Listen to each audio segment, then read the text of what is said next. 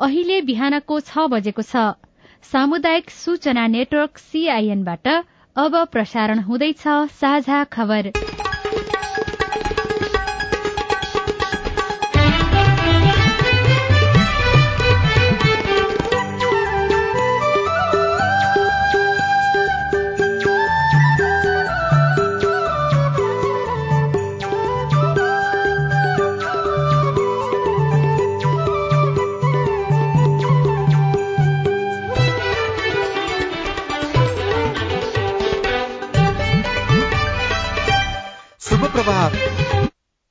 खबर हो। उषा तामाङसँगै राजन रुचालको तपाईँलाई स्वागत छ। सामुदायिक रेडियोबाट देशैभरि एकैसाथ प्रसारण भइरहेको साझा खबर सीआईएन खबर डट कम र मोबाइल एप सीआईएनबाट पनि सुन्न सकिन्छ।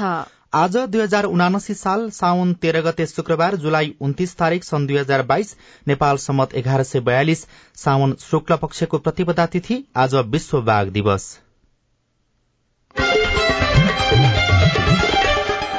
साझा खबरमा प्रमुख खबरका शीर्षकहरू।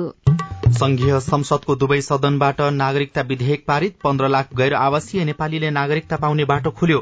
आगामी साता निर्वाचनको मिति घोषणा गर्ने सरकारको तयारी। बजेट निर्माणमा अनधिकृत व्यक्ति प्रवेशको पुष्टि हुने आधार भेटिएन। प्रतिबन्ध लगाइएको वस्तुको आयात घटेन। इन्धनको मूल्य घटाएर आयल निगमलाई नाफामा लैजान गाह्रो।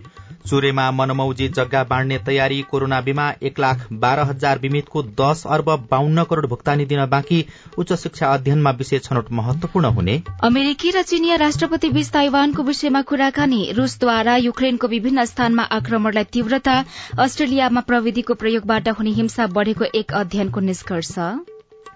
र न्यूजील्याण्ड विरूद्धको टी ट्वेन्टी श्रृंखलाका लागि टोली घोषणा।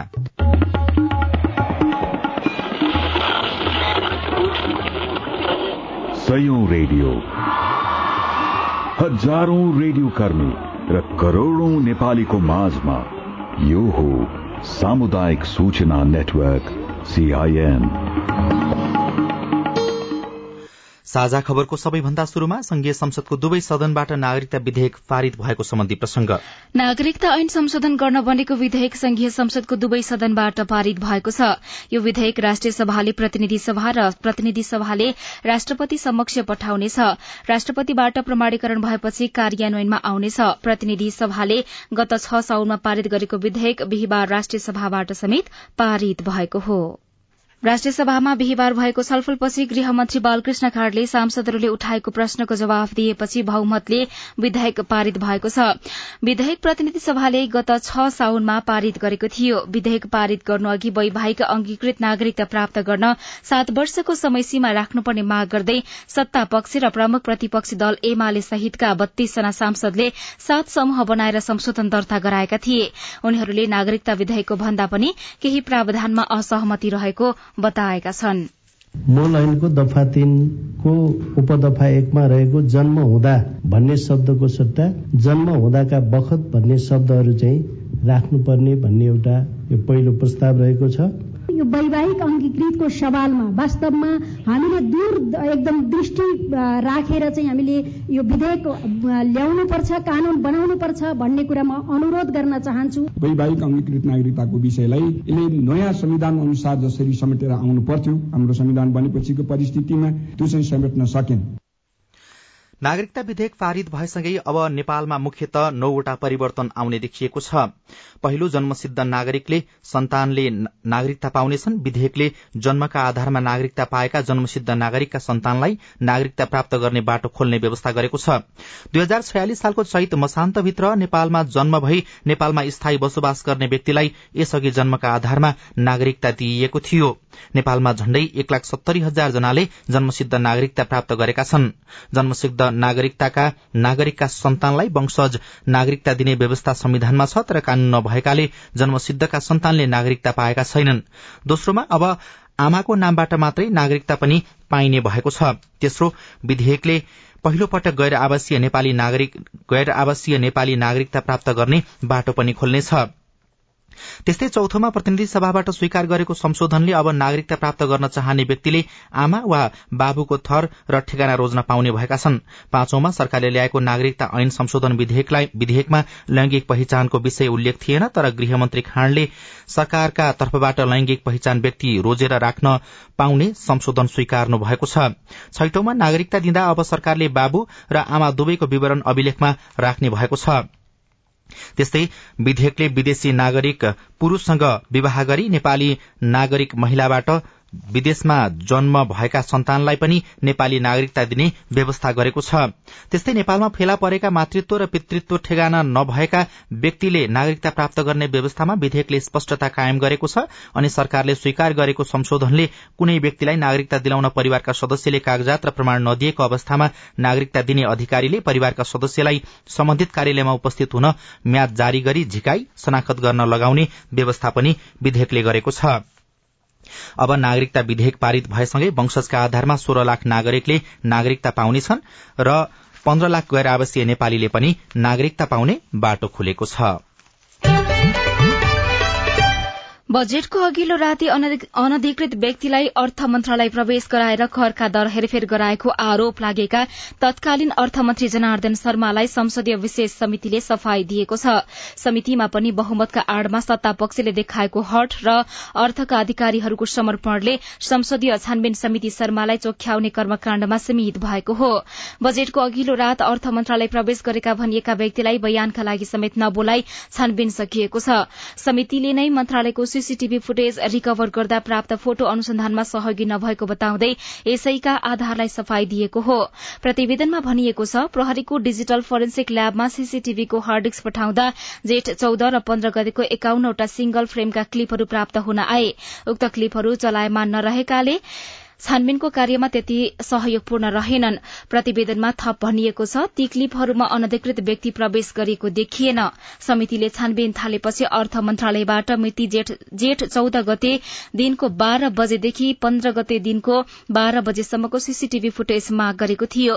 मन्त्रालयले समितिलाई माग गरेको भन्दा फरक फुटेज उपलब्ध गराएर घटनाको ढाकछोप गरेको समेत समितिको प्रतिवेदनबाट देखिन्छ।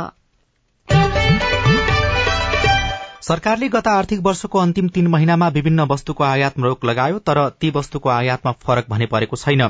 अझ कुनै वस्तु त पहिलाको तुलनामा दोब्बर नै आयात भएका छन्। केहीको आयात भने सामान्य घटेको भन्सार विभागको तथ्याङ्कमा उल्लेख गरिएको छ। प्रतिबन्धित वस्तु आयात बढ़दै गए पनि सरकारी निकायका अधिकारी भने सामान्य नै रहेको बताउँछन्। प्रतिबन्धित दश वस्तुको आयातमा गत आर्थिक वर्ष अठहत्तर उनासीमा अडसठी अर्ब एक्काइस करोड़ उन्चालिस लाख रूपियाँ बाहिरिएको छ। जुन अघिल्लो आर्थिक वर्षको तुलनामा छ अर्ब अन्ठानब्बे करोड़ दस लाख रूपियाँले बढ़ी हो। अघिल्लो आर्थिक वर्षमा एकसठी अर्ब तेइस करोड़ उन्तिस लाख रूपियाँ बाहिरिएको थियो। गत आर्थिक वर्षको वैशाख तेह्र गतेदेखि असार मसान्तसम्म सरकारले केही वस्तुको आयातमा पहिलो पटक रोक लगाएको थियो। यसैलाई चालू आर्थिक वर्षको भदौ चौधसम्म सरकारले निरन्तरता दिएको छ। कुरमुरे कुरकुरे लेज लगायतका उत्पादन मदिरा चुरोट तथा सुर्तीजन्य वस्तु कच्चा पदार्थ बाहेक आयात नगर्ने निर्णय गरेको सरकारले त्यसमा पनि आयातलाई रोक्न सकेको देखिँदैन। यस्तै हीरा औद्योगिक कच्चा पदार्थ बाहेक मोबाइल सेट छ सय डलर माथिका रंगीन टेलिभिजन बत्तीस इन्च भन्दा माथि जीप कार र भ्यान एम्बुलेन्स शब्दहा बाहेक दुई सय पचास सीसी भन्दा माथिका मोटरसाइकल सबै प्रकारका खेलौना र तास आयातमा बन्देज लगाइएको थियो। चालू आर्थिक वर्षमा भने अन्यलाई यथावत राख्दै सरकारले प्रतिबन्धित केही वस्तुमा परिवर्तन गरेको छ। अघिल्लो र गत आर्थिक वर्षमा प्रतिबन्धित वस्तुको वार्षिक आयातको तथ्याङ्क हेर्दा भने खासै फरक परेको देखिँदैन कान्तिपुरले खबर लेखेको छ। इन्धन आपूर्तिको जिम्मा पाएको नेपाल आयल निगम यति बेला पचास अर्ब बढ़ी घाटामा छ। इन्धन खरिदका लागि सरकारसँग लिएको ऋण सात अर्ब पुगेको छ भने पछिल्लो तीन वर्षदेखि निगम निरन्तर घाटामा छ। निगमलाई तीन वर्ष अघिकै नाफामूलक अवस्थामा फर्काउन सकिँदैन। घाटा पूर्तिका लागि निगमले पेट्रोलियम पदार्थको मूल्य बढ़ाए पनि समायोजन भने गर्दैन। चार वर्ष अघि आयल निगम पहिलो पटक अठार करोड़ बैसठी लाखको घाटामा गयो। त्यसअघि नाफामै थियो। दुई हजार पचहत्तरको जेठमा घाटामा गएको निगमले एक महिनापछि फेरि नाफा कमायो। त्यसपछि निगममा निरन्तर घाटा र नाफा हुने क्रम चलिरह्यो। घाटामा जानुको कारणबारे बताउँदै निगमका पूर्व निर्देशक मुकुन्द घिमिरे। डलरको एक्सचेन्ज रेट बढेको कारणले पनि हामीलाई असर गरिरहेको छ। विगत दुई वर्ष अढाई वर्षदेखि चाहिँ जुन सरकारले चाहिँ पूर्वाधार कर भनेर चाहिँ दस रुपियाँ बढाएको छ नि पेट्रोल र डिजलमा र बाहिरबाट ल्याउनु पर्ने तेलको मूल्य अनुसार चाहिँ समयमा समायोजन गर्न नसक्दाखेरि चाहिँ आयल निगमको घाटामा गएको दुई हजार सतहत्तर माघमा छयालिस करोड़ छैसठी लाख बराबरको घाटामा रहेको निगम हालको अवस्थासम्म आइपुग्दा पचास अर्ब बढ़ीको घाटामा पुगेको छ। निगमले आर्थिक वर्ष दुई हजार सतहत्तरको वैशाखमा झण्डै साढे पचास करोड़को नाफा कमाएको थियो। त्यसपछि घाटामा रहँदै आएको निगमलाई फेरि नाफामूलक बनाउन सकिँदैन। फेरि पूर्व निर्देशक घिमिरे। सरकारले जुन अत्यधिक रूपमा चाहिँ ट्याक्स लगाएको छ नि त्यो ट्याक्स घटाउन सक्नु पर्यो। कि त बाहिरको मूल्य अनुसारको मूल्य समायोजन समयमा गर्न सक्नु पर्यो। यिनै दुईटा उपायले मात्रै निगमको घाटालाई घटाउन सकिन्छ। दुई वर्ष अघि एक खर्ब तिरानब्बे अर्बको इन्धन आयात भएकोमा गत आर्थिक वर्षमा झण्डै दुई खर्ब पचास अर्बको इन्धन आयात भएको छ। बाह्य मुलुकबाट प्रशोधित पेट्रोलियम पदार्थ मात्रै नेपाल आयात हुने भएकाले पनि निगमलाई पछिल्लो समय विश्वव्यापी मूल्य वृद्धिले समस्यामा पारेको छ। निगमका प्रवक्ता विनित मणि उपाध्याय। आर्थिक वर्ष सतहत्तर अठहत्तर लागिसकेपछि कोविडको प्रभाव प्रष्ट देखिन थाल्यो। अन्तर्राष्ट्रिय बजारमा कच्चा तेलको मूल्य एक्कासी उकालो लागिरहेको अवस्थालाई केही गर्न नसक्ने। समयमा हामीले मूल्य समायोजन गर्न नसक्दाखेरि पेट्रोलको परल मूल्य नै दुई सय बाह्र रुपियाँ भन्दा पनि बेसी पर्न आउने अवस्थाहरू पनि देखियो। नेपालमा पेट्रोलियम पदार्थको मूल्यलाई असर पार्ने कारक तत्वहरू मध्येको एक विश्व बजार पनि हो। पेट्रोलियम पदार्थमा परनिर्भर रहेको नेपाललाई अब कति समयभित्र पहिलेकै अवस्थामा फर्काउन सकिन्छ भनेर अहिले नै भन्न सक्ने अवस्था छैन। तर खपतलाई कम गर्न सके आयल निगम सबैभन्दा धेरै राजस्व तिर्ने निकायमा पुनः सूचीकृत हुन सक्ने जानकारहरू बताउँछन्। स्नेहा कर्ण सीआईएन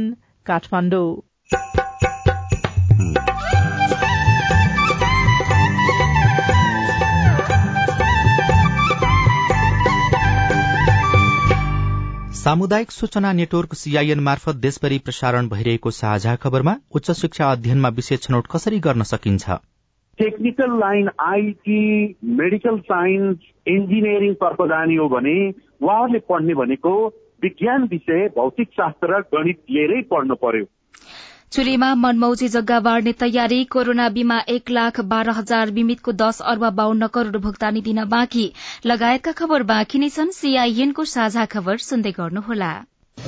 उठाउनु पर्ने आवाजहरू सदनमा उठाउनु भएको छ। तपाईँलाई धन्यवाद दिनुपर्ने हुन्छ। कानून निर्माणमा नागरिक सहभागिता सिद्धान्त र अभ्यास। पारित गरियोस् भन्ने प्रस्ताव दुई तिहाई बहुमत भन्दा बढ़ी मतबाट पारित भएको घोषणा गर्दछु। कानून कार्यान्वयनमा सांसद र संसदको जवाफदेहिता। र जिल्लाको र समग्र मुलुकका चाहिँ सवालहरूलाई संसदमा उठाउने सवालहरूमा म आफूले सशक्त ढंगले भूमिका खेले भन्ने लाग्छ। संसदीय प्रक्रियामा जनता र सरकारवाला निकायको नजर। युवाको क्षेत्रमा त्यति धेरै काम भएको छैन। युवालाई चाहिँ ओजरमै राखेर अहिले काम भइरहेको छ। युवाहरूलाई चाहिँ रोजगारीमा जोड्नुपर्छ भनेर अहिले केही कार्यक्रमहरू पनि सञ्चालन गरेका छौँ। जनतादेखि नेतासम्म नीतिदेखि नेतृत्वसम्म युवा सीमान्तकृत वर्ग जाति अल्पसंख्यकका सवालहरू। जनताको कुरा राख्ने ठाउँ संसदै हो। हामी कार्यपालिका होइन व्यवस्थापिका हो नीति निर्माण गर्ने हो। अब सवाल मात्रै होइन जवाबसँगै देखिन्छ प्रभाव पनि। कार्यक्रम हेलो सांसद सीआईएन मार्फत मुलुकभरका सामुदायिक रेडियोमा हरेक बिहिबार बेलुकाको साझा खबरमा र भोलिपल्ट शुक्रबार बिहान साढे छ बजे कार्यक्रम हेलो सांसद सीआईएन को फेसबुक पेज र युट्युब च्यानलमा सांकेतिक भाषामा पनि हेर्न सक्नुहुनेछ। युएनडीपी संसद सहयोग परियोजना र अकुराबको सहकार्य। सामाजिक रूपान्तरणका लागि यो हो सामुदायिक सूचना नेटवर्क सीआईएन तपाईँ अहिले देशभरिका सामुदायिक radio CIN Khabar dot com र मोबाइल एप सीआईएनबाट एकैसाथ साझा खबर सुन्दै हुनुहुन्छ। अब आज काठमाडौँबाट प्रकाशित पत्र पत्रिकाको खबर। नयाँ पत्रिका दैनिकमा आगामी साता निर्वाचनको मिति घोषणा। निर्वाचनको मिति घोषणाका लागि प्रधानमन्त्री देउवाद्वारा गठबन्धन सम्बद्ध दल र कांग्रेसका शीर्ष नेतासँग परामर्श शीर्षकमा केशव प्रसाद पाण्डेले खबर लेख्नु भएको छ। प्रधानमन्त्री शेरबहादुर देउवाले आगामी साता प्रदेश र संघीय निर्वाचनको घोषणा गर्ने गरी तयारी थाल्नु थाल्नु भएको छ। चार मंगिरमा एकै चरणमा निर्वाचन गर्ने गरी मिति तोक्ने प्रधानमन्त्रीको तयारी छ। आयोगले मंगिर पहिलो साता गर्ने गरी एक सय बीस दिन अगाडि नै मिति तोक्न गरेको सिफारिशको समय सीमा भने सकिसकेको छ। प्रधानमन्त्री देउवाले मिति घोषणाका लागि गठबन्धन सम्बद्ध दल र कांग्रेसकै शीर्ष नेतासँग परामर्श गर्नुभएको छ। सोमबारको मन्त्री परिषद बैठकबाट मिति घोषणाको सम्भावना छ। कान्तिपुर दैनिकमा धनगढ़ीबाट डीआर पन्त अनि कञ्चनपुरबाट भवानी भट्टले चुरेमा मनमौजी जग्गा बाँड्ने तयारी वन क्षेत्र भए पनि खाली जग्गा नापी गर्न सक्ने अधिकार दुरूपयोग गर्दै अतिक्रमण गरिएका जग्गा नाप जाँच गर्दै भूमि आयोग शीर्षकमा खबर लेख्नु भएको छ। अव्यवस्थित बसोबास व्यवस्थित गर्न बनेको भूमि आयोगले कैलाली कञ्चनपुर र डडेलधुराको चुरे क्षेत्रमा पछिल्लो समय अतिक्रमण गरिएको जग्गा नापजाँच गरेर बाँड्ने तयारी गरेको छ। कैलाली र कञ्चनपुरमा मात्र यसरी नापजाँच हुन थालेको जग्गा हजारौं हेक्टर रहेको अनुमान वन अधिकारीहरूले गरेका छन्। दश वर्षदेखि कमाई खाएको सार्वजनिक जग्गाको लाल पूर्जा दिन सक्ने र भूमि सम्बन्धी आठौं संशोधन अनुसार वन क्षेत्र भए पनि खाली जग्गा नापी गर्न सक्ने अधिकारको दुरूपयोग गर्दै आयोगले केही वर्ष यता अतिक्रमण गरिएका जंगल क्षेत्रका जग्गा पनि नापजाँच गर्ने प्रयास गरिरहेको हो। संवेदनशील मानिएको सूर्य क्षेत्र संरक्षणका लागि सरकारी तथा गैर सरकारी क्षेत्रबाट आधा दर्जन भन्दा बढ़ी कार्यक्रम चलिरहेका छन्। संघीय सरकार र विदेशी दात्रु निकाय बीचको समन्वयमा पनि सूर्य संरक्षणका पूरै थुप्रै परियोजना सञ्चालनमा छन्। राजधानी दैनिकको पहिलो पृष्ठमा नेपाल विश्वमै दोब्बर बाघको हकदार शीर्षकमा खबर लेखिएको छ। यो खबर नवीन लुइटेलले लेख्नु भएको हो। नेपाल विश्वमै बाघ दोब्बर बनाउने मुलुक बन्न सफल भएको छ। अन्तर्राष्ट्रिय समुदायमाझ गरेको बाघ दोब्बर बनाउने लक्ष्य नेपालले पूरा गरेको राष्ट्रिय निकुञ्ज तथा वन्यजन्तु संरक्षण विभागले जनाएको छ। सन् दुई हजार दसमा रूसको सेन्ट पिटरबर्गमा बाघ पाइने तेह्र देशमाझ गरेको बाघको संख्या दोब्बर पार्ने नेपालको लक्ष्य पछिल्लो गणनाबाट पूरा भएको विभागका महानिर्देशक डाक्टर रामचन्द्र कणेलले जानकारी दिनुभयो। आज शुक्रबार स्वच्छ पारिस्थितिक प्रणालीका लागि बाघ संरक्षणको नारासहित विश्व बाघ दिवस समेत मनाइँदैछ। त्यस्तै नयाँ पत्रिका दैनिकको पहिलो पृष्ठमा कोरोना बीमामा ठगिए नागरिक एक लाख बाह्र हजार बिमितको दश अर्ब बाहन्न करोड़ भुक्तानी बाँकी शीर्षकमा खबर छापिएको छ। यो खबर मुना कुंवरले लेख्नु भएको हो। कोरोना बीमामा सर्वसाधारण राज्यबाट ठगिएका छन्। सरकारले अनुदान रकम निकासा नगरेको भन्दै निजीवन बीमा कम्पनीले नागरिकको दश अर्ब बाहन्न करोड़ भुक्तानी दिन बाँकी रहेको छ। विभिन्न बीसवटा इन्सुरेन्स कम्पनीमा कोरोना बीमा गरेका एक लाख बैसठी हजार तीन सय छयालिस जनाले पन्ध्र अर्ब पैंतिस करोड़ अडसठी लाख छब्बीस हजार छ सय तेइस रूपियाँ भुक्तानी दावी गरेका थिए। त्यसमध्ये पचास हजार चार सय सत्तालिस जनाले चार अर्ब तिरासी करोड़ पैंतिस लाख छत्तीस हजार पाँच सय छयालिस रूपियाँ भुक्तानी पाएका छन्। अझै बीमा रकम दावी गरेको एक लाख एघार हजार नौ सय आठ सय उनान्सय नागरिकले दश अर्ब बाहन्न करोड़ बत्तीस लाख नब्बे हजार सतहत्तर रूपियाँ भुक्तानी पाउन बाँकी रहेको खबरमा उल्लेख गरिएको छ। साझा खबरमा अब हेलो सीआईएन सजना तिमल सिन्हाबाट। नमस्कार मेरो नाम जीवन प्रसाद जोशी। म सुर्खेत बिरनगरबाट बोलेको हो। सरकारले संविधानमा हाम्रो कक्षा बाह्रसम्म अर्थात् माध्यमिक शिक्षासम्म निशुल्क पढाइरहने भनिरहेको छ तर अहिलेको सन्दर्भमा विद्यालयहरूले शुल्क लिइरहेका छन्। त्यसको लागि सरकारले यदि सक्न यदि गर्न सकेको हो या निशुल्क गराउन नसकेको हो र सरकारले सक्छ कि सक्दैन भन्ने मेरो प्रश्न छ। धन्यवाद। जवाफ दिँदै हुनुहुन्छ शिक्षा विज्ञान तथा प्रविधि मन्त्रालयका प्रवक्ता दीपक शर्मा। आधारभूत शिक्षा चाहिँ अनिवार्य र निशुल्क हो। माध्यमिक शिक्षा निशुल्क हो। माध्यमिक शिक्षा भनेको कक्षा नौदेखि बाह्रसम्म हो। र कक्षा नौदेखि बाह्रसम्म निशुल्क के के विषयमा निशुल्क हुन्छ भन्ने अनिवार्य तथा निशुल्क शिक्षा सम्बन्धी नियमावलीमा प्रष्ट व्यवस्था गरेको छ। त्यसमा शुल्क लिन नपाइने शीर्षकहरू चाहिँ उल्लेख गरिएको छ। त्यो शीर्षकभित्र शुल्क लिन पाइँदैन। त्यसदेखि बाहेक अरू चाहिँ नि अब सहायता लिने कुराहरू त्यसरी अरू कामहरूको लागि चाहिँ नि गर्ने कुराहरू चाहिँ स्थानीय तहले स्वीकृत गरेको मापदण्डभित्र बसेर गर्न पाइन्छ। हेलो नमस्ते म चितवनबाट सन्देश गुरुङ नि जग्गा किनेको त्यो जग्गा चाहिँ अनि जग्गाको उयो चाहिँ पूर्जा चाहिँ अरूसँग रहेछ त्यो पूर्जा बन्नेवालामा चाहिँ अर्कोसँग फर्म भरे रहेछ। के गर्नुपर्छ होला भनेर सर? सन्देशजी सुरुमा त ऐलानी जग्गा किनबेच नै हुँदैन। तपाईँले यसबारेमा थप बुझ्नको लागि एकपल्ट भूमि आयोगमा सम्पर्क गर्नुपर्छ। नमस्कार कर्णाली प्रदेश नम्बर छ। दैनिकको आठ नगरपालिका छ वार्डमा बब्ली नेपाली हो मेरो नगरपालिकामा सामाजिक सुरक्षा भत्ता वितरण भएको छैन। सामाजिक सुरक्षा वितरण भत्ता कहिलेसम्म हुन्छ यति हुँदैन भने किन हुँदैन भन्ने मेरो प्रश्न रहेको छ। तपाईँको जिज्ञासा मेटाउँदै हुनुहुन्छ आठबीस नगरपालिकाका एमआईएस अपरेटर जनक भण्डारी। नगरपालिकाबाट हाम्रो देढसो त्रैमासिकदेखि हामीले चाहिँ अनलाइन सिस्टम ब्याङ्किङ प्रणालीबाट गरेका छौँ होइन? अब ब्याङ्किङ प्रणाली अनुसार हामीले चाहिँ हाम्रो नगरपालिकाबाट चौथो त्रैमासी हामीले ब्याङ्कमा पठाइसकेका छौँ। ब्याङ्कले वितरण गर्ने सिस्टम छ अहिले। ब्याङ्कमा जानु होला पालो अनुसार चाहिँ हुन्छ एउटा मिनट एकको दुईको तिनको चारको पाँचको यसै गरी पालो लगाउनु लाग्यो होला ब्याङ्कको। हाम्रो ब्याङ्क सरहरूले उहाँहरूले चाहिँ लाभुराहरूले ब्याङ्कमा गएर आफ्नो पालो अनुसारको पालो अनुसार लिइराख्नु भएको तपाईँ जुनसुकै बेला हाम्रो टेलिफोन नम्बर शून्य एक बान्न साठी छ चार छमा फोन गरेर आफ्नो प्रश्न जिज्ञासा गुनासा तथा समस्या रेकर्ड गर्न सक्नुहुनेछ। अब विदेशका खबर अमेरिकी राष्ट्रपति जो बाइडेन र चिनिया राष्ट्रपति सी चिनफिङ बीच ताइवानको विषयमा कुराकानी भएको छ। गए राति दुई नेताबीच भएको दुई घण्टा लामो संवादका क्रममा ताइवानमा ताइवानका बारेमा एकअर्कालाई चेतावनी दिएको बीबीसीले जनाएको छ। अमेरिकी राष्ट्रपति बाइडेनले ताइवानमा अमेरिकी नीति परिवर्तन नभएको स्पष्ट पार्नुभयो। चिनिया राष्ट्रपति सीले भने बाइडेनलाई एक चीन सिद्धान्तको पालना गर्न अनुरोध गर्नुभएको बेजिङलाई उद्धृत गर्दै खबरमा उल्लेख गरिएको छ। अमेरिकी प्रतिनिधि सभाका सभामुख न्यान्सी पेलो पेलोसीले ताइवान भ्रमण गर्ने योजना अघि सारेको भन्दै यस विषयमा तनाव बढ़ेको छ। रूसले युक्रेनको विभिन्न स्थानमा आक्रमणलाई तीव्रता दिएको छ। रूसले नियन्त्रणमा लिइएको आफ्नो भूभाग फिर्ताको लागि युक्रेनले विभिन्न प्रयास गर्न थालेपछि रूसले आक्रमणलाई फेरि तीव्रता दिएको हो। क्रोफी भेनेस्कीको मध्य भूभागमा भएको मिसाइल आक्रमणमा परेर पाँचजनाको मृत्यु भएको छ भने छब्बीसजना घाइते भएका छन्। यस्तै पूर्वी वाकमुथमा भएको आक्रमणमा परेर तीनजनाको मृत्यु भएको छ। र अस्ट्रेलियामा प्रविधिको दुरूपयोग गरी हुने हिंसा बढ़ेको एक अध्ययनले देखाएको छ। आधा अस्ट्रेलियाली नागरिक प्रविधिबाट हुने हिंसाको शिकार बनिरहेको हालै सार्वजनिक एउटा वृहत अध्ययनले देखाएको हो। पीड़क मध्य चालिस प्रतिशत पैंतिसदेखि चालिस वर्ष उमेर समूहका रहेको बताइएको छ। साझा खबरमा अब खेल खबर। सरकारले गौतम बुद्ध अन्तर्राष्ट्रिय क्रिकेट रंगशाला निर्माणको बाँकी काम सम्पन्न गर्नका लागि प्राविधिक समिति गठन गरेको छ।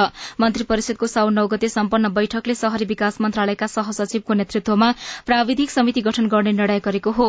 युवा तथा खेलकुद मन्त्रालयका सचिव डाक्टर दामोदर रेग्मीका अनुसार शहरी विकास मन्त्रालयका सहसचिव प्रकीर्ण तुलाधरको संयोजकत्वमा छ सदस्यीय समिति गठन गरेको छ। समितिले एक्काइस दिनभित्र प्राविधिक प्रतिवेदन तयार गरी प्रतिवेदन पेश गर्नेछ। वेस्ट इण्डिजले भारत र न्यूजील्याण्ड विरूद्धको टी ट्वेन्टी श्रृंखलाको लागि निकोलस पुरनको कप्तानीमा टोलीको घोषणा गरेको छ। वेस्ट इण्डिजले भारतसँग पाँच खेलको टी ट्वेन्टी खेल्नेछ। वेस्ट इण्डिज र भारत बीचको पहिलो टी ट्वेन्टी आज हुँदैछ। यस्तै वेस्ट इण्डिजले न्यूजील्याण्डसँग तीन खेलको टी ट्वेन्टी श्रृंखला खेल्नेछ। र नवौं राष्ट्रिय खेलकुद प्रतियोगिताका लागि व्यवस्थापन समिति खेल मैदान खोज्दै भौतारी रहेको छ। राष्ट्रिय खेलकुद परिषदले लगानी गरेको मैदान अवलोकन गर्दै कुन खेल कहाँ खेलाउँदा उपयुक्त हुन्छ भन्ने उद्देश्य सहित अवलोकनमा समिति केन्द्रित भएको हो। तर पोखरा रंगशालाभित्रै बनेको पूर्वाधारमा भने खेलाड़ीले प्रशिक्षण गर्ने अवसर पाएका छैनन्। पोखरा रंगशाला स्थित फुटबल मैदान सहित एक अर्ब अठाइस करोड़मा निर्मित एथलेटिक्स ट्र्याकमा ठेकेदार कम्पनीले जो कोही नछिरोस् भन्दै तालाबन्दी गरेर राखेको छ। निर्मित पूर्वाधार राष्ट्रिय खेलकुद परिषदलाई हस्तान्तरण भइसकेको छैन। हस्तान्तरण नहुँदा कम्पनीले तालाबन्दी गरेर राखेको हो। तालाबन्दीकै कारण एथलेटिक्सका खेलाड़ी प्रशिक्षणको अवसरबाट वञ्चित भएका छन्। उच्च शिक्षा अध्ययनका लागि विशेष छनौट कसरी गर्ने? रेडियो रिपोर्ट स्वस्थ जीवनशैली सम्बन्धी सन्देशहरू खबर र कार्टुन पनि बाँकी नै छ। सीआईएनको साझा खबर सुन्दै गर्नुहोला। होइन के सुनेको यस्तो ध्यान दिएर दोहोरो बोलेको जस्तो नि देख्दिन। तीन दुई एक शून्य शून्य क्या? तीन दुई एक शून्य शून्य? के हो त्यो भने? बुझिन त। ल सुन। एनटिसी प्रयोगकर्ताहरूले आफ्नो मोबाइल तथा ल्यान्डलाइनमा तीन दुई एक शून्य शून्य डायल गरी समाचार रेडियो कार्यक्रम खेल र अन्य विषयबारे सन्देशहरू जुनसुकै बेला निशुल्क सुन्न सक्छन्। ओहो निशुल्क? कस्तो सजिलो। समाचार सुन्न छुट्यो भनेर पिर लागेको थियो। अब त म पनि सुनिहाल्छु। कति रे? तीन दुई एक शून्य शून्य। सामाजिक रूपान्तरणका लागि यो हो सामुदायिक सूचना नेटवर्क सीआईएन साझा खबरमा अब उच्च शिक्षा अध्ययन र विषय छनौट। माध्यमिक शिक्षा परीक्षा एसईको नतिजा सार्वजनिक भएपछि धेरै विद्यार्थी अब कुन विषय पढ्ने भन्ने अन्यलमा छन्। कतिपयले परीक्षामा प्राप्त गरेको अंकका आधारमा अध्ययनको विषय छनौट गर्ने गरेको पाइन्छ तर यसो गर्नु गलत भएको विज्ञहरू बताउँछन्। त्यसो भए एसई पछि पढ्ने विषय कसरी छनौट गर्ने? पर्साको पर्सागढ़ीका आकृति पौडेलको इच्छा छ बैंकमा काम गर्ने। एसईमा अपेक्षा गरे अनुसारको अंक नआए पनि आफ्नो लक्ष्य भेटाउनेमा उहाँ ढुक्क हुनुहुन्छ। कारण हो परिवारको हौसला र साथ। एकदम खुसी छौँ एकदम खुसी छौँ। उसले आफूले जाने जति राम्रोसँग लेखेको अब मेरो नम्बरै आएन भन्छ अनि उसले अब यस्तो बेलामा यति थोरै नम्बर लेख भन्छ हामीले गाली गर्नुहुन्न सम्झाएर माया दिएर अब मिहिनेत गर भनेर सम्झा। विद्यार्थीहरूले एसईलाई उच्च शिक्षा अध्ययनको एउटा खुड्किलो मान्ने गरेका छन्। एसईई पछि कुनै एउटा विषयलाई मूल विषय बनाएर अध्ययन अध्यापन हुने भएकाले पनि उनीहरूलाई यो समयमा सही सल्लाह र सहयोगको खाँचो पर्छ। इन्जिनियर बन्न चाहने चितवनको भरतपुरका विपुल भूषाललाई उहाँको लक्ष्यमा पुर्याउन परिवार सहयोगी भूमिकामा छ। त्यस्तो चिन्ता त लागेको थिएन। मैले पहिल्यैदेखि सोचेरै बसेको थिएँ के पढ्छु भनेर। बुवा मम्मीहरूले पनि सपोर्ट गरिराख्नु भयो अनि त्यही कुराले चाहिँ चिन्ता धेरै लिनु परेन। परिवारले इन्जिनियर बनाउन चाहेका सन्दीप लामिछाने आफ्नै इच्छाले क्रिकेटर बन्नुभयो। अहिले नेपाली राष्ट्रिय टोलीको कप्तान हुनुहुन्छ। आफैले रोजेको बाटो पछ्याएर डाक्टर कृष्ण हरि बराल गीतकार बन्नुभयो। चलचित्र निर्माता निर्देशक लेखक तथा अभिनेता खगेन्द्र लामिछानेको सफलतापछि आफ्नै रुचि प्रमुख कारण बनेको छ। इन्जिनियर बन्न हिँडेका संगीतकार प्रमोद प्रसाईलाई लाग्छ सफल हुन मनलाई सुन्नुपर्छ। अब मैले के सोचेँ भने अब यता इन्जिनियरिङ पनि अब त्यो पनि दिनरात मेहनत गर्नुपर्छ समय दिनै पर्यो यता म्युजिक पनि समय नदिकन त हुँदैन। अब मसँग भएको समय जम्मा चौबिस घन्टा होइन दुईतिरै दिनु पर्यो। अब यसरी त हुँदैन। कि त अब टोटल म्युजिकमै जानुपर्छ। कि त टोटल पढ्न। अब मलाई म्युजिक बेगर चाहिँ मेरो जिन्दगी नै खल्लो लाग्ने भइसकेको थियो क्या त्यतिखेर। मनोविद गोपाल ढकालको नजरमा धेरै अभिभावकले बालबालिकालाई आफ्नै रुचिको भारी बोकाउँछन् जुन उनीहरूको क्षमता भन्दा गह्रौं हुन्छ। कतिपय अवस्थामा त एकदमै पढाइ पनि राम्रो गर्ने गर्छ उसलाई लाभ दिँदाखेरि चाहिँ पछि गएर पढाइ नै बिग्रेको पढाइ नै छोडेको ड्रप आउट भएको कुलतमा लागेको होइन। नेपालमा पठन पाठनका विषयहरूलाई परीक्षामा पाएको अंकका आधारमा वर्गीकरण गर्ने गलत परिपाटीको विकास भएको प्रति शिक्षाविद डाक्टर महेन्द्र खनाल चिन्तित हुनुहुन्छ। विषय रोजाइमा बालबालिका र अभिभावकलाई खनालको सुझाव छ। उहाँहरू अलिकति technical line IT medical science engineering जाने हो भने उहाँहरूले पढ्ने भनेको विज्ञान विषय भौतिक शास्त्र र गणित लिएरै पढ्नु पर्यो। यदि उहाँले मेडिकल साइन्स उहाँहरूको अपटेक विषय हो चाहनाको विषय हो भने बायोलोजी नै उहाँहरूको मुख्य विषय बन्नुपर्छ।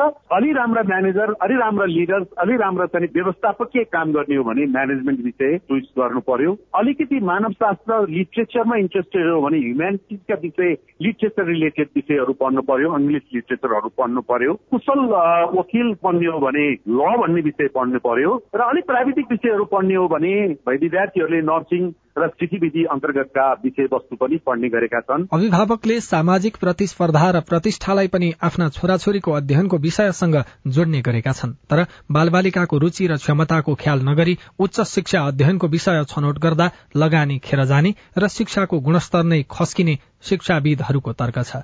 अविनाश आचार्य सीआईएन काठमाडौँ।